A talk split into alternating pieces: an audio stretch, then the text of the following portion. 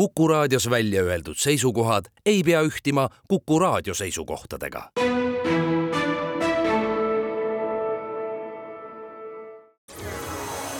loodusajakiri, vaata ka looduseajakiri.ee. tere, kena reede õhtu jätku kõigile teile, head Kuku raadio kuulajad. loodusajakiri alustab ning millest me rääkima hakkame? me hakkame rääkima suurkiskjate geneetilisest seirest. Ajakiri Eesti Loodus sügisnumber, mis keskendub seirele, selles on Tartu Ülikooli teadlaste, terioloogide artikkel sellel teemal. artikli autorid on Maris Hindrikson ja Egle Tammeleht ning terioloogia professor Urmas Saarma ja zooloogia kaasprofessor Harri Valdman. täna on saates külas kaks selle artikli autoritest, tere, Maris Hindrikson! tere! teine autor on Egle Tammeleht, tere sulle, Egle! tere! mina olen saatejuht Tiia Rööp. esimene küsimus nii-öelda sissejuhatav teemasse on see, et miks meil on vaja teada, kui palju meil on suurulukeid, miks me peame nende arvukust teadma, miks me peame teadma nende asustustihedust? tegelikult on nii, et äh, maailmas äh, üleüldiselt on järjest enam äh, suundumus kasutada just geneetilisest seirest tulenevaid andmeid selleks, et täpselt määratagi erinevate liikide siis arvukust ja asustustihedust ja see võib olla erinevatel põhjustel, miks me peame selliseid indikaatoreid teadma liigi kohta, on see siis näiteks konkreetselt näiteks suurkiskjate puhul, on see selleks, et kas või teha küttimisotsuseid, liikide kaitsmisega seotud otsuseid äh, võimalikult äh, täpselt ja selliseid, et äh, need kahjustaksid siis neid meie kohalikke populatsioone võimalikult vähe.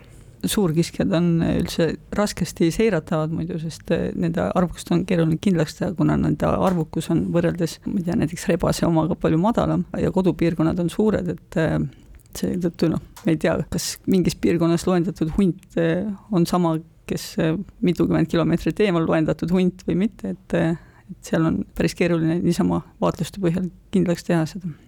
mis asi on geneetiline seire, kuidas see käib?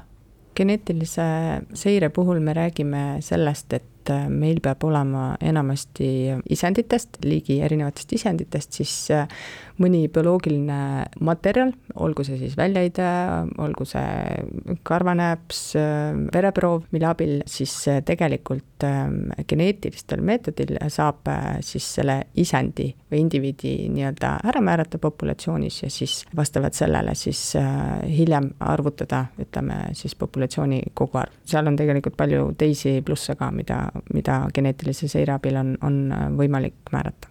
Egle, mis need plussid on veel lisaks? põhimõtteliselt sedasama nii-öelda arvukuse arvutamise meetodit saaks kasutada ka igasuguse märgistamise puhul, kus, mille puhul siis tuleks loom kinni püüda ja siis vaatluste põhjal sa näed, kui tihti sa näiteks neid märgistatud loomi näed, kui palju sa näed mittemärgistatud loomi, et, et noh, sealt saab samamoodi arvutada aga geneetilise meetodi puhul ei pea sa need kinni püüdma, see on mitteinvasiivne ja lisaks geneetilise analüüsi tulemusena sa saad mitmeid erinevaid muid asju ka teada, mitte ainult arvukust. kas seega võib öelda, et geneetiline seire on ka oluliselt loomasõbralikum? kindlasti. absoluutselt. Geneetilise seire puhul, kui on proovid kogutud, läheb labori analüüsiks, kas see moment, kui proovist saab DNA, on see väga keeruline metoodika või enam-vähem protokoll ette ja kes on ennem DNA-d eraldanud, see saab sellega hakkama? Jah, äh, sõltub äh, konkreetselt, äh, milliseid markereid kasutada, aga üldiselt tänapäeval see on, on, on palju erinevaid viise, milliseid markereid siis või, või millist juppi nii-öelda siis isendi genoomist kasutatakse, aga need on üsna standardsed ja, ja sobivad nagu üsna lühikese väljaõppe mm. järel kasutamiseks sõltumata sellest kasutatavast markerist, see DNA eraldamise metoodikas on väga standardne, et ostad kitid ja eraldad, et seal ei ole mingit, midagi keerulist. Läheme materjali juurde. kui me räägime väljaheitest, kui värske see olema peab? kas sobib see, et päike on paitanud teda ja vihmake on kastnud? no üldiselt ikka mida värskem, seda parem, aga eks meil on proovitud ka nii-öelda erineva väljanägemisega ekskrementidest seda DNA-d eraldada, et teinekord välimuse järgi tundub, et sealt ei tule midagi, aga tegelikult ikka tuleb, et eh, niimoodi noh, ongi, et välimuse järgi on teinekord ikka rasked, et võib-olla seal selle ekskremendi alumise külje peal on väga hästi säilinud midagi, et sealt saab ikka kätte, et et aga loomulikult, et kuna kõigest välja ei tule, et siis neid väljaheiteid tuleb koguda rohkem, kui tegelikult vaja oleks lõpuks või just umbes kaks kuni kolm korda, eks ole, ülekatusega peaks proove tegelikult mm -hmm. olema.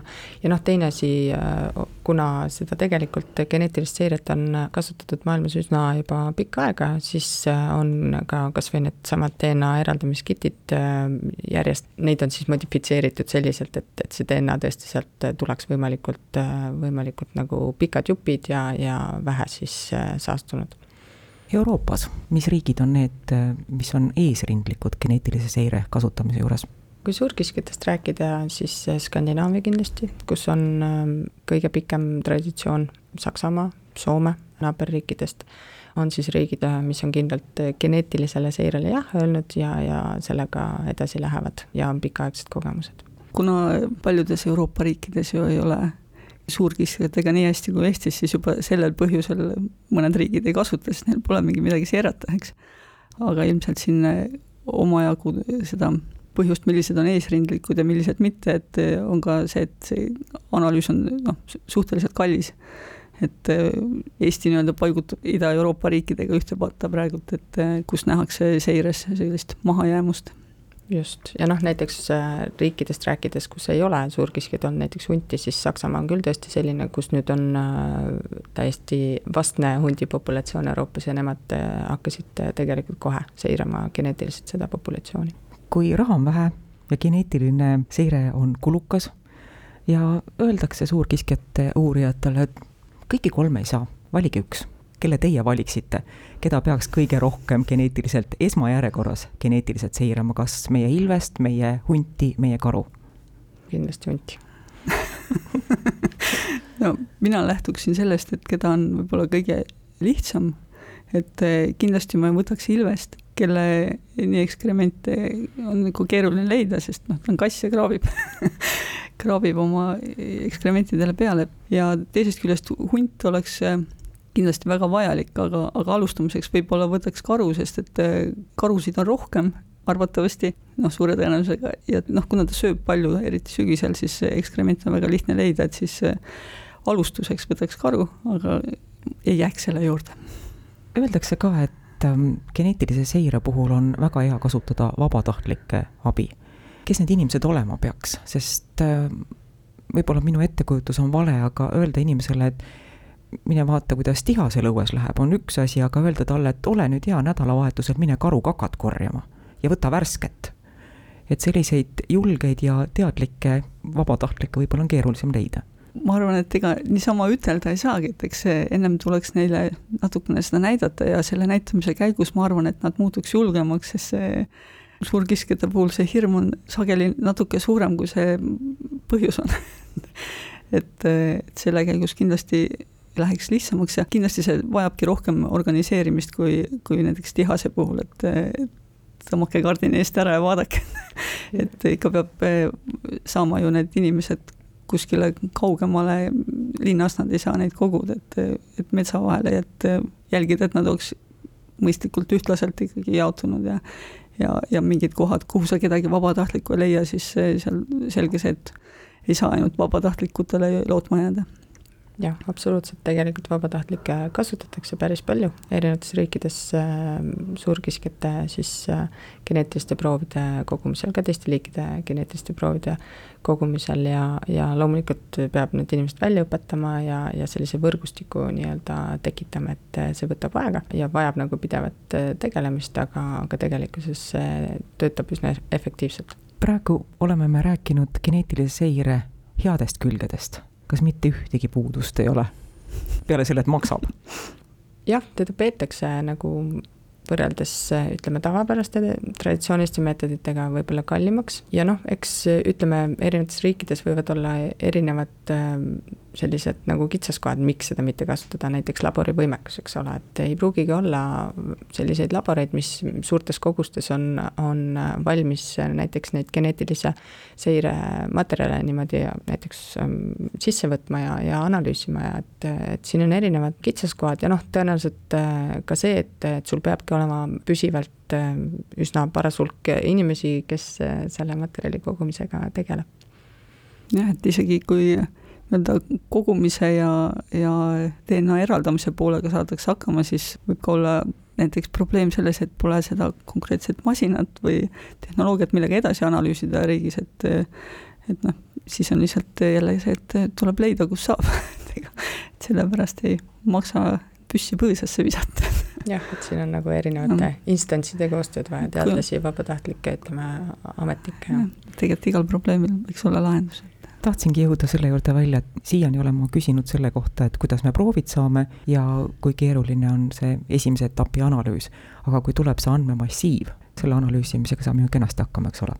selle andme analüüsimisega või noh, ütleme siis, et DNA eraldamisest edasiminekuga, et eh, ma arvan, et seal on ikkagi mõistlik Eesti-sugusel väiksel riigil pöörduda, leida koostööpartnerid, kas siis noh, tõenäoliselt nendest piirkondadest, kus seda on kauem tehtud, et et me ise oleme näiteks soomlastega käest uurinud, et kuidas oleks variant, et kas ne, nemad saaks appi tulla ja põhimõtteliselt seal näiteks on selline huvi olemas, et miks mitte koostööd teha, et koostöö on mõistlik asi selles.